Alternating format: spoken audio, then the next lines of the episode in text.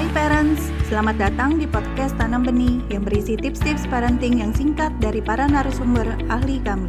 Untuk mendapatkan tips-tips terbaru kami, follow podcast Tanam Benih. Yuk kita dengarkan bersama.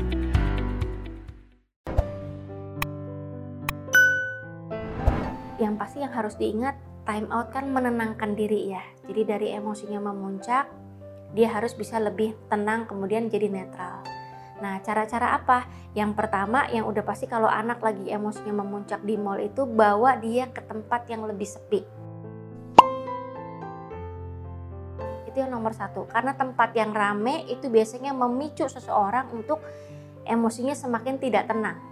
Kondisi eh, emosinya tidak tenang. Jadi bawa dia ke tempat yang agak sepi itu yang pertama. Kemudian yang kedua, ajarkan anak cara-cara untuk melepaskan emosinya dengan cara-cara yang cukup baik. Contoh, kalau sedih ya boleh menangis. Kalau marah ya boleh tangannya dicengkram begini boleh gitu. Mencengkram begini mm, ngomong kalau marah itu boleh gitu Kemudian yang harus dilakukan lagi adalah orang tua bantu untuk menenangkan perasaannya anak. Cara yang paling efektif sebetulnya dengan mengelus atau memeluk.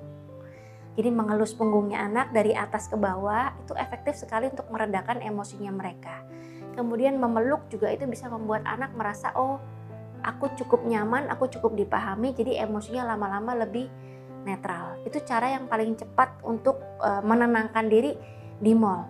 Jadi time out ini nggak berarti dia harus disendirikan loh ya. Bukan berarti diasingkan sendiri sampai emosinya tenang tidak. Jadi kalau untuk anak-anak yang lebih kecil mereka memang dibantu untuk bisa lebih tenang emosinya oleh si orang tua baik dipeluk maupun dibelai atau diajarin tarik nafas panjang seperti itu. Anak akan belajar pengelolaan emosi sih.